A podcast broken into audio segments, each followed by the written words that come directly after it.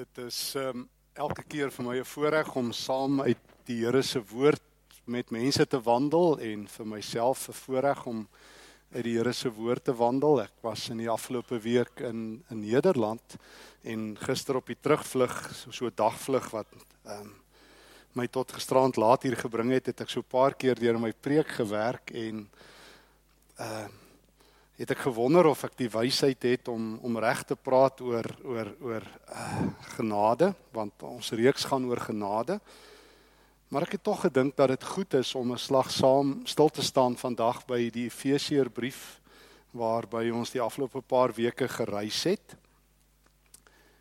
En het ek net weer opnuut ook um, in die afgelope tyd vir myself gesê dat genade die hartklop is van alles wie God is en wat God doen.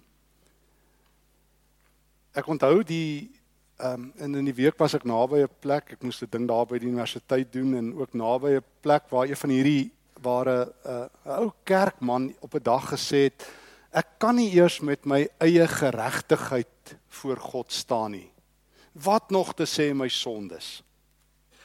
Bernard van Clairvaux.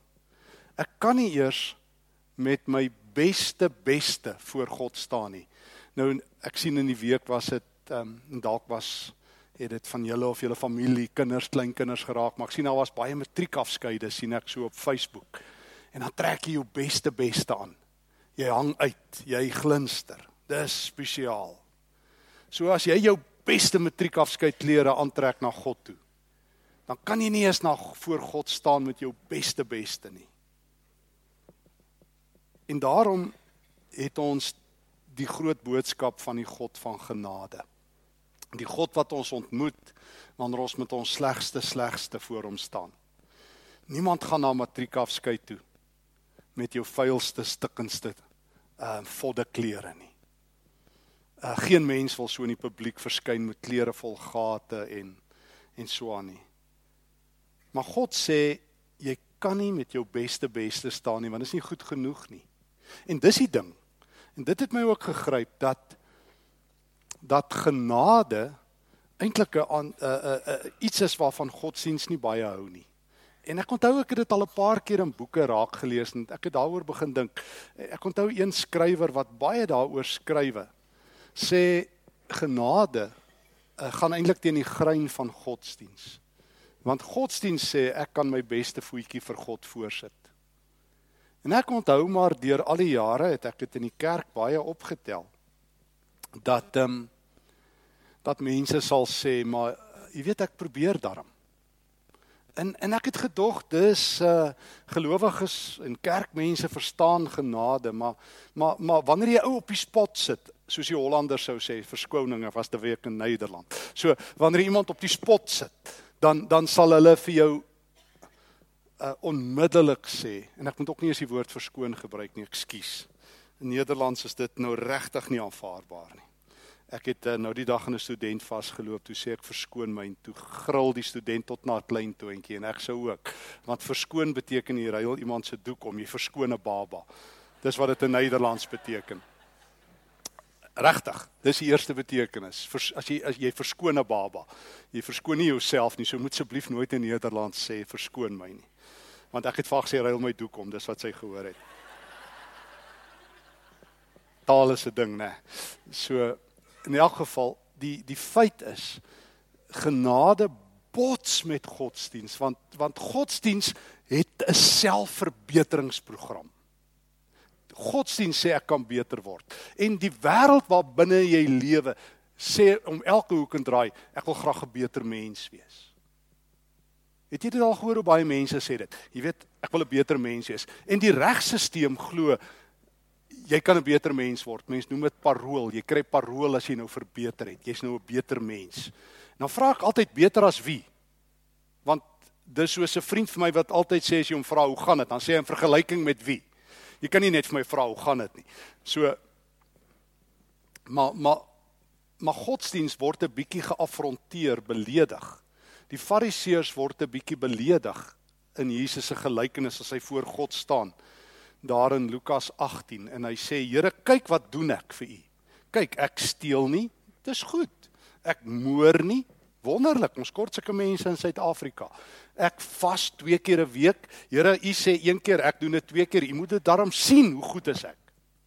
Ehm um, ek pleeg nie oorspel nie. My vrou is nog my vrou en ek ek daar nog nie gekil nie. En ehm um, u moet daarom waarneem hoe goed ek is en dan sê Jesus, dit tel nie by God nie. En dan voel godsdienstiges bietjie gestamp in die gesig. Maar hier's die ding. Hier's die ding. God hou van jou soos jy is. En godsdienst sê God hou van jou as jy probeer. En Paulus het dit gesnap in die Efesiërbrief en dit noem 'n mens genade, charis.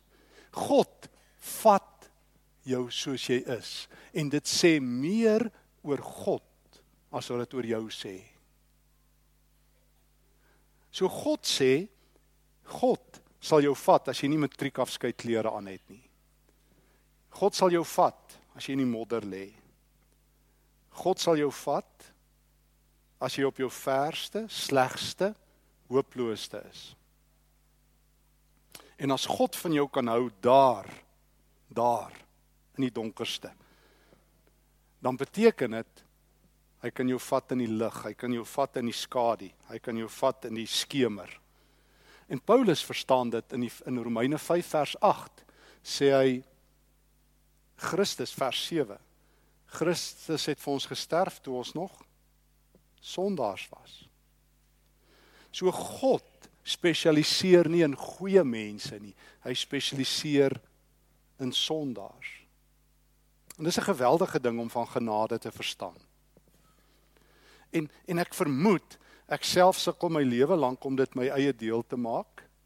Want ek het maar 'n idee in my kop en ek en ek hoor dit elke keer en elke slag as ek ook oor genade preek en ek sê dit ook vir myself en ek sit gister so terwyl ek dink met myself en argumenteer. Dat dat hierdie genade wat jou vat op jou slegste en wat sê God sal jou hele lewe lank van jou hou. Ek kom agter baie Christene as hulle dit hoor sê onmiddellik ja ja ja ja maar het ons nou 'n lisensie vir sonde? Kan ons moet eers ook vir mense sê hulle moet reg lewe.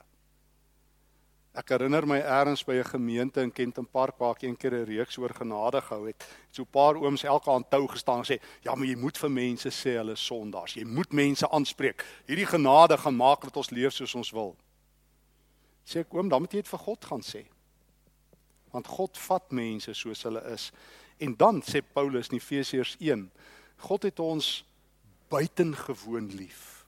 In Efesiërs 2 sê dit ook. Hy het ons buitengewoon lief. Uh, Efesiërs 2 eintlik, hy's ryk in genade en hy het ons buitengewoon lief. Vers 4. God is ryk in jammerhartigheid en hy het ons verskriklik lief. Toe ons dood was in ons sonde, het hy ons in Christus lewend gemaak. Dis Paulus se definisie van genade. So God vat my daar op my slegste, op my donkerste en hy kyk nie wat het ek vir hom aan te bied nie, want dis wat godsdienst sê. Dis wat die fariseërs sê. Here, ek het daarom iets probeer. Dis wat baie mense vir God gaan sê. Ons het daarom probeer. Maar God sê ek kyk nie daarna nie. Want ek kyk na jou as 'n mens en jy's ver van my en ek het mense lief. Hoor mooi, dis genade. Ek het mense lief.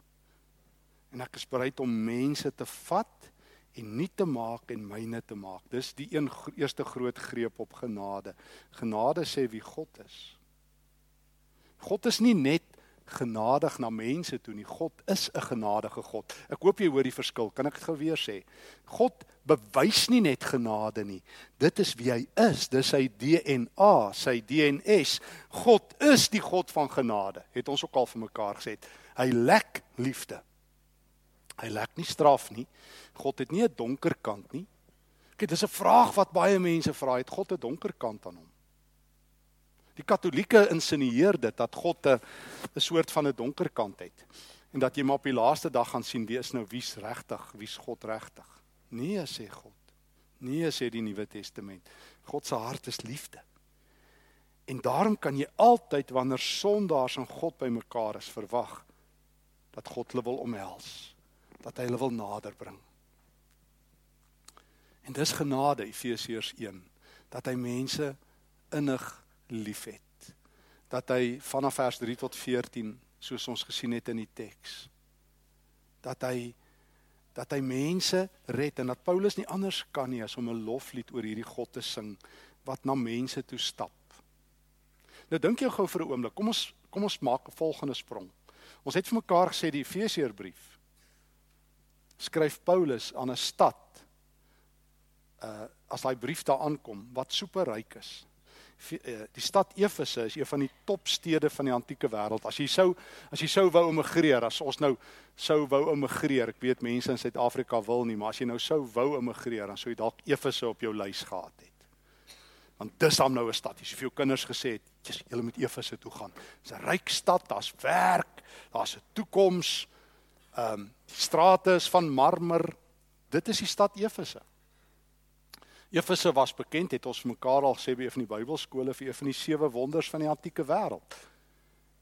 Een van die grootste wonders van die antieke wêreld. Julle onthou die sewe wonders, né, die die die die ehm um, piramides, die hawe van ehm um, uh Alexandrië, die hangende tuine van Babylon, wat nog alles, die ehm um, tempel van Halikarnassus, die tempel van Zeus, ook die tempel van Diana Artemis in Efese.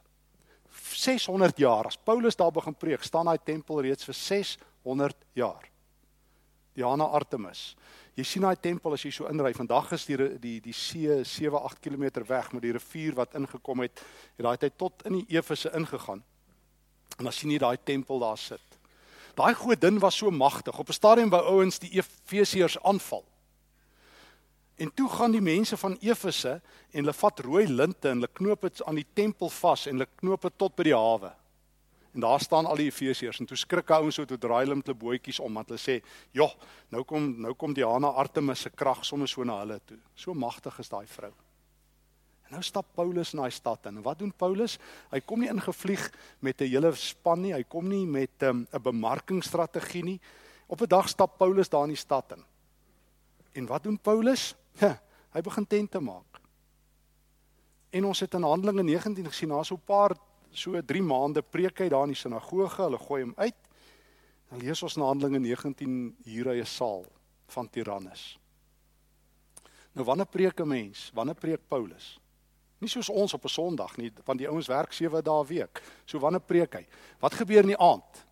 Wel Eskom is nie daar nie, wel hulle is ook daar, maar dis beerdkrag. So daar's nie krag nie. So wat gebeur in Efese? Die ligte is af in die aande. So wanneer preek jy in die dag? Nou moet jy werk. Wat doen mense in die Mediterrane wêreld? Hulle hulle sê stad tyd tussen 12 en 2. Dis wanneer Paulus preek, dan hier uit Tyrannus se saal. En hy preek in Handelinge 19 die sewende wonder van die antieke wêreld bankrot. Jy het nog nooit so iets gehoor nie. Die evangelie van Paulus is kragtiger as hierdie godin wat self skepe kan laat omdraai. En wat preek Paulus? O, Efesiërs 1 aan God vers 3. Die Vader van ons Here Jesus kom al die lof toe. Hy het ons geseën met alle geestelike seënings. Hy het ons lief. Dis Paulus se opreiende skrikwekkende boodskap. Skrikwekkend. Dit maak die godsdiens mal want hulle hulle hulle het gode wat jou wil straf. Hulle het gode wat jy moet aan die God se vereistes voldoen. En hier stap 'n skrynwerker, handewerker in. En hy preek tussen 12 en 2 as almal slaap, preek hy die hele klein Asië wakker. En wat preek hy vir hulle? God hou van mense. God het sondaars lief. Weet julle wat? Julle is ver van God. Maar God gooi sy arms oop. Hy wil julle vashou. Hy wil julle lief hê. En Jesus het betaal. Jesus het betaal. Hy het alles betaal sodat God van jou sal hou. Hy vat jou as jy op jou verste is. En daarom sal hy lewenslank by jou bly. En as hierdie boodskap Efese kan transformeer, behoort dit die wêreld ook te transformeer. Miskien het ons doof geword vir genade. Maar dis die boodskap wat Paulus preek. En dis die boodskap as hy 'n brief skryf later aan sy geliefde gemeente, as hy nie meer in Efese is nie. Dan skryf hy vir hulle van van hierdie genade. En dis die gebed wat hy bid, dat hulle hierdie God sal leer ken. En hierdie God sal ken. Hoor net hoe bid hy vir die Efesiërs in Efesiërs 1 vers 18. Ek bid dat hy julle geestesoë sal verhelder. Letterlik in die Grieks bid hy, dit is so mooi. Dat God die oë van hulle hart sal oopmaak die oë van hulle hart.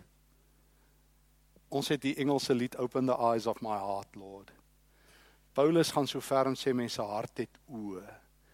En as God net julle hart se oë sal oopmaak dat julle kan weet watter hoop sy roeping inhou en watter rykdom daar is en hoe groot sy krag is wat hy in ons werk. Want hier is die volgende ding wat Paulus wil sê, genade is nie 'n eens 'n once off, 'n eenmalige handeling. God bewys nie genade en dan stap hy aan nie. Dit het ons 'n paar keer vir mekaar gesê. Wanneer God jou vat, kom bly hy by jou. Kom gee hy sy Heilige Gees. Dis die volgende. So ons sê vir mekaar volgens genade is eintlik 'n geweldige konsep. Ons sê vir mekaar vervolgens genade keer efes om. Selfs nie is die groot god Diana Artemis met al haar mag wat militêre aanvalle kan afweer, het die invloed wat Paulus het. Nee nee, dis nie Paulus nie, dis hierdie boodskap van God wat van mense hou, wat hulle lewens omdraai, maar Paulus sê volgende ding. Wanneer genade God jou vat met genade, verander hy jou hele lewe. Want genade is nie iets wat God doen nie, dis God wat kom bly by jou.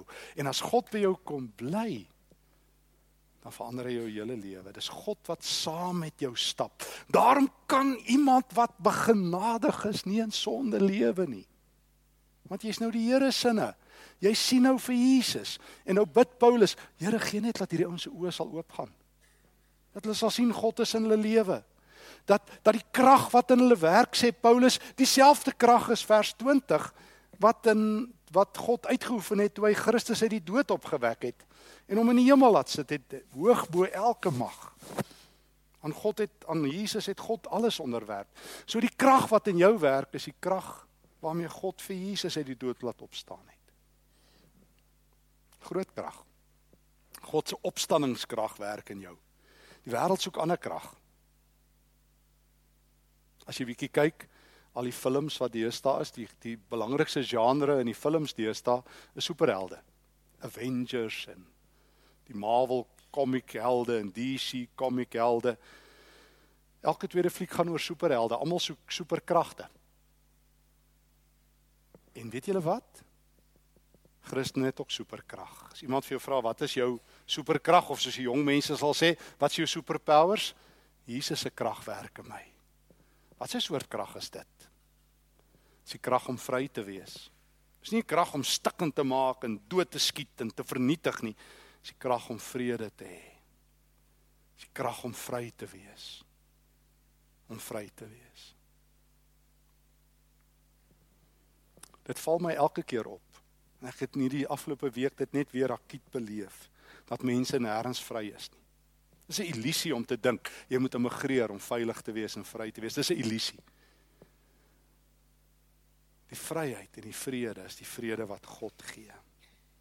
En hierdie vrede gee God. En Paulus bid, Here, laat die kinders net se oë net oopgaan. Laat Efese net verstaan en en en laat Pretoria net verstaan. Mense is vry om anderster te lewe. En en Paulus wil nog 'n ding sê. Hy wil sê nou kan Christene ander musiek op die maat van ander musiek dans in Efesiërs 5. Efesiërs 5, dit is so groot teks. Hy skryf vir die Efesiërs in vers 18. Moenie aan moenie aan ehm um, drank te buite gaan nie. Daarmee gaan losbandigheid gepaard. As jy ouens moenie te veel drink nie, dis van selfsprekend. Laat die Gees julle vervul en sing onder mekaar psalms lofsange en ander geestelike liedere. Sing met julle hele hart tot eer van die Here. Dank God die Vader altyd oor alles in die naam van ons Jesus, Here Jesus Christus. So, genade gryp jou terwyl jy 'n sondaar is. Godsdiens hou nie baie van genade nie. Ons eerste punt. Maar God is in elk geval genadig. Tweedens, genade is self sterker as die magtigste dooie godinne van Efese. Genade verander 'n hele stad se harte. Derdens, genade beteken God is by ons. God het ons nie gelos nie, hy verander my van binne af. Um, en nou bid Paulus dat my oë sal oopgaan. En vierdens, genade laat my nuwe musiek sing. Laat my nuwe musiek sing. Die een ding wat die Heilige Gees doen, hy maak musiek. Jy weet as iemand vervul is met die Heilige Gees uh in die kerke in ons dag word die spreekend tale en al daai soort dinge gewoonlik met die Heilige Gees se vervulling geassosieer, maar Paulus assosieer die vervulling met die Heilige Gees met nuwe musiek. Ek weet nie van julle nie, maar ek dink ons almal hou van musiek. Die eerste ding wat gebeur as jy in jou motor klim, daar word musiek vir jou gespeel. Het jy agtergekom? Uh as jy in jou huis instap, baie mense se huise en ek is ewe ewe dieselfde. Uh mense hou nie so baie van stilte nie, want altyd iets in die agtergrond blær. Ons het agtergekom, ek weet nie, ek ek en my vrou, ons sit selfs die ons los selfs die televisie aan dat ons diere klank het in die huis. As ons nie daar is nie. Want ehm um, ja, daar moet 'n stemmetjie wees. En Paulus sê maak nuwe musiek vir die Here. Sing op die maat van nuwe musiek. En hy het dit reg gekry. Ons het al so baie keer vir mekaar sê, ek in elk geval al so baie keer verwys na Handelinge 16, maar mag ek dit weer doen? Wanneer Paulus daar in die tronk lê in Filippi, en hulle slaan hom uitmekaar uit, wat dan begin hy sing. Dit dit ruk my uit my fondasies uit elke keer. Wat laat 'n mens sing as jy pas vreed aangeraak is? Ons ons weet hoe gaan dit in Suid-Afrika. Ek bedoel en ek ek, ek veroordeel ek Ek sê net 'n feit, maar ek het nog nooit 'n Christen opper gehoor wat 'n misdaad was, wat nie verbitterd en kwaad is en sê nou is ons klaar nie, onmiddellik immigrasie papiere soek nie. Paulus lê daar sy eie bloed en dan sê hy vir Silas wat saam met hom daar is, kom ons sing 'n lof. En soos ek altyd sê, ek is seker Silas sê vir hom, nou waaroor sal ons sing? Oor die pensioen wat nie uitbetaal nie, oor die mediese fonds wat uitgeput is, oor die feit dat ons môre dood is, oor die feit dat die wêreld in die hel verander het en En jy wil hê ons moet lofliedere sing? Waaroor loof ons die Here? Paulus sal sê. Hm. Silas. Ons het mos 'n nuwe werklikheid. Ons dans op die maat van ander musiek. Ons het 'n nuwe Here. Ek sien hom in die geloof. Ek is seker Paulus sou vir Silas vertel het van Stefanus by wie se dood hy was, steniging. Hy sê onthou nie vir Silas, ag vir Stefanus, daai dag toe ons hom met klippe doodgegooi Toe hy 'n snaakse ding gesê. Daai tyd het ek dit nie verstaan nie, maar verstaan dit nou. Toe hy gesê terwyl die Jode op so 'n klip gooi, ek sien die hemel oop. Ek sien vir Jesus. Aan die regterkant van ek sien vir Jesus. En toe kom ons sing. En ek is seker daai nag toe hulle daar vir Filippe gelê het, het Paulus hom sê, kyk net mooi. Jy sal die Here sien. Dis dis wat gebeur as God se genade jou tref. Jy sien Jesus.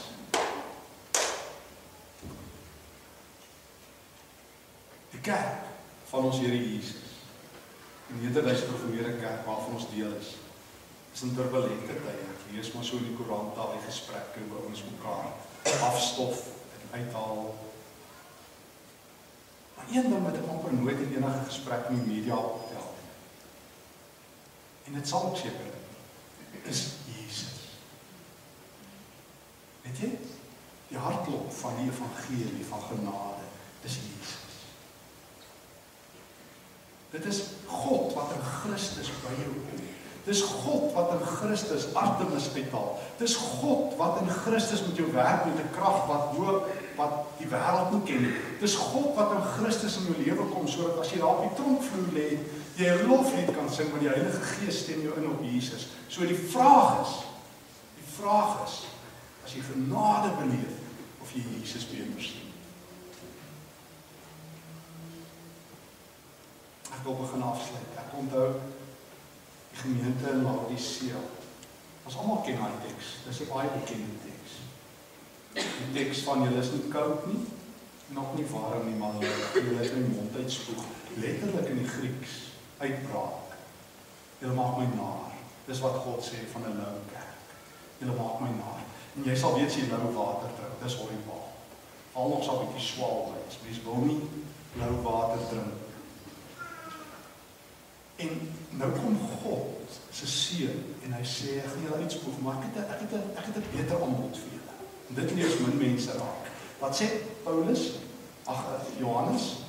Hy Jesus antwoord, hy sê ek staan by julle lewens deur en ek klop.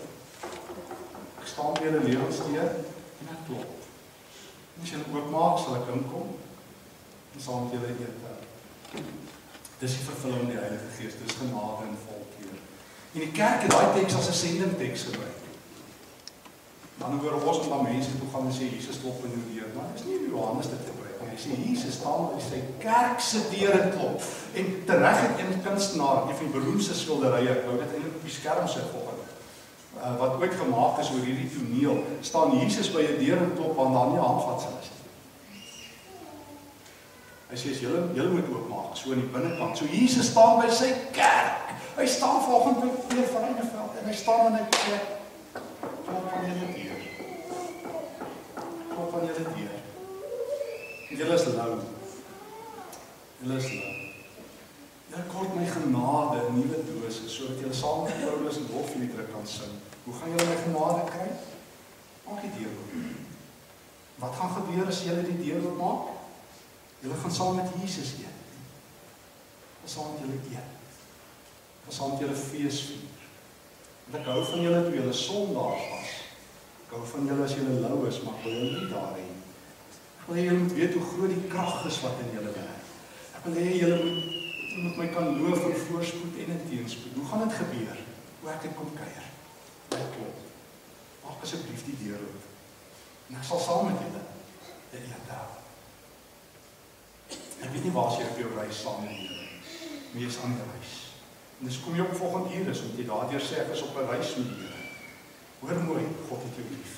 Het jou lief toe jy ver was, het jou lief nou. En jy het jou oë oop sodat jy kan weet hoe groot en wyd en ver die liefde van Christus strek. Die liefde wat hy vir jou bewys het toe jy sondaar was, toe jy gered het. Maar die krag wat in jou lewe is, die superkrag wat jy het, die krag van Jesus is.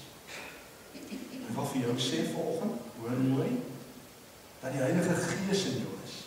Jy kan en jy sal ander musiek sing as Jesus in jou hart is en in jou lewe. Hoe gaan jy dit doen? Maak dit deur as gelowige sodat Jesus saam met jou kan kom eet. Hoe doen mense dit? Sien net elke dag Here hier is ek. Hierdie hande, hierdie voete, hierdie kop.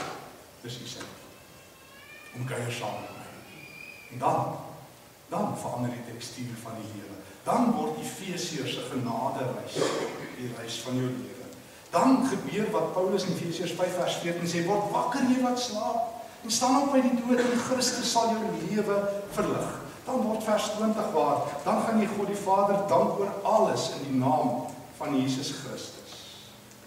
Dan leef jy 'n lewe waarvoor God jou geroep het. Jy het net een lewe. Dis dit. Gee dit vir die Here. Amen. Here baie dankie vir die woord. Dankie dat die woord lewe is. Dankie dat die woord lewe gee. Dankie dat ons vanoggend in die woord self kan verdiep. Dankie dat U mense nie afskryf nie, maar opskryf. Dankie dat U mense nie oorslaan nie, maar by hulle stop.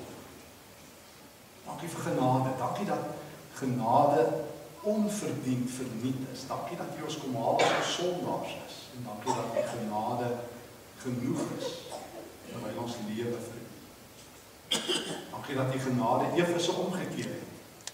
Die gode van die antieke wêreld uitgehaal gee dat daar dieselfde krag waarmee die Efese verander het ook weer in ons lewens sal wees. En daarom bid ek saam met Paulus vir myself en vir elkeen hier, Here, dat U ons geestesoë sal oopmaak, die oë van ons hart, dat ons sal sien hoe wyd en ver en diep die liefde van Christus strek en dat ons sal sien, Here, dat die krag waarmee ons werk, dieselfde krag is as waarmee U U eie kind uit die dood laat opstaan oorwinningskrag, krag om vry te wees.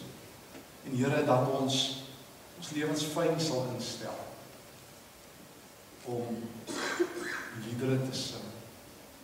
Terwyl die wêreld haatliedere sing, hooplose musiek sing, terwyl die koorleiers van hierdie wêreld doodsliedere het en moedeloosheid verval, stem ons fyn in op die Heilige Gees. Dankie Here dat U volgende opgedaag het met 'n klop aan ons lewe. Dankie dat U weer in my lewe klop en ek ek wil graag die deur van my hart opnuut oop swaai. Ek het nodig om weer saam met U te eet, Here. Vanmiddag gaan ek saam met my familie en vriende dalk eet. Maar Here, ek wil graag vir U nooi as die eregas, as die gasheer na die ete van my lewe. Kom eet saam met my, kom kuier saam met my, kom bly by my terwyl dit dag is en as die skemer daal. Leer my Here om in U genade te lewe en uitspattig U genade aan te gee. En hier in Pretoria en oral waar ek is, uit U hand te leef oor my as ek dit vra as ek my lewe op nie kan wy in Jesus se naam. Amen.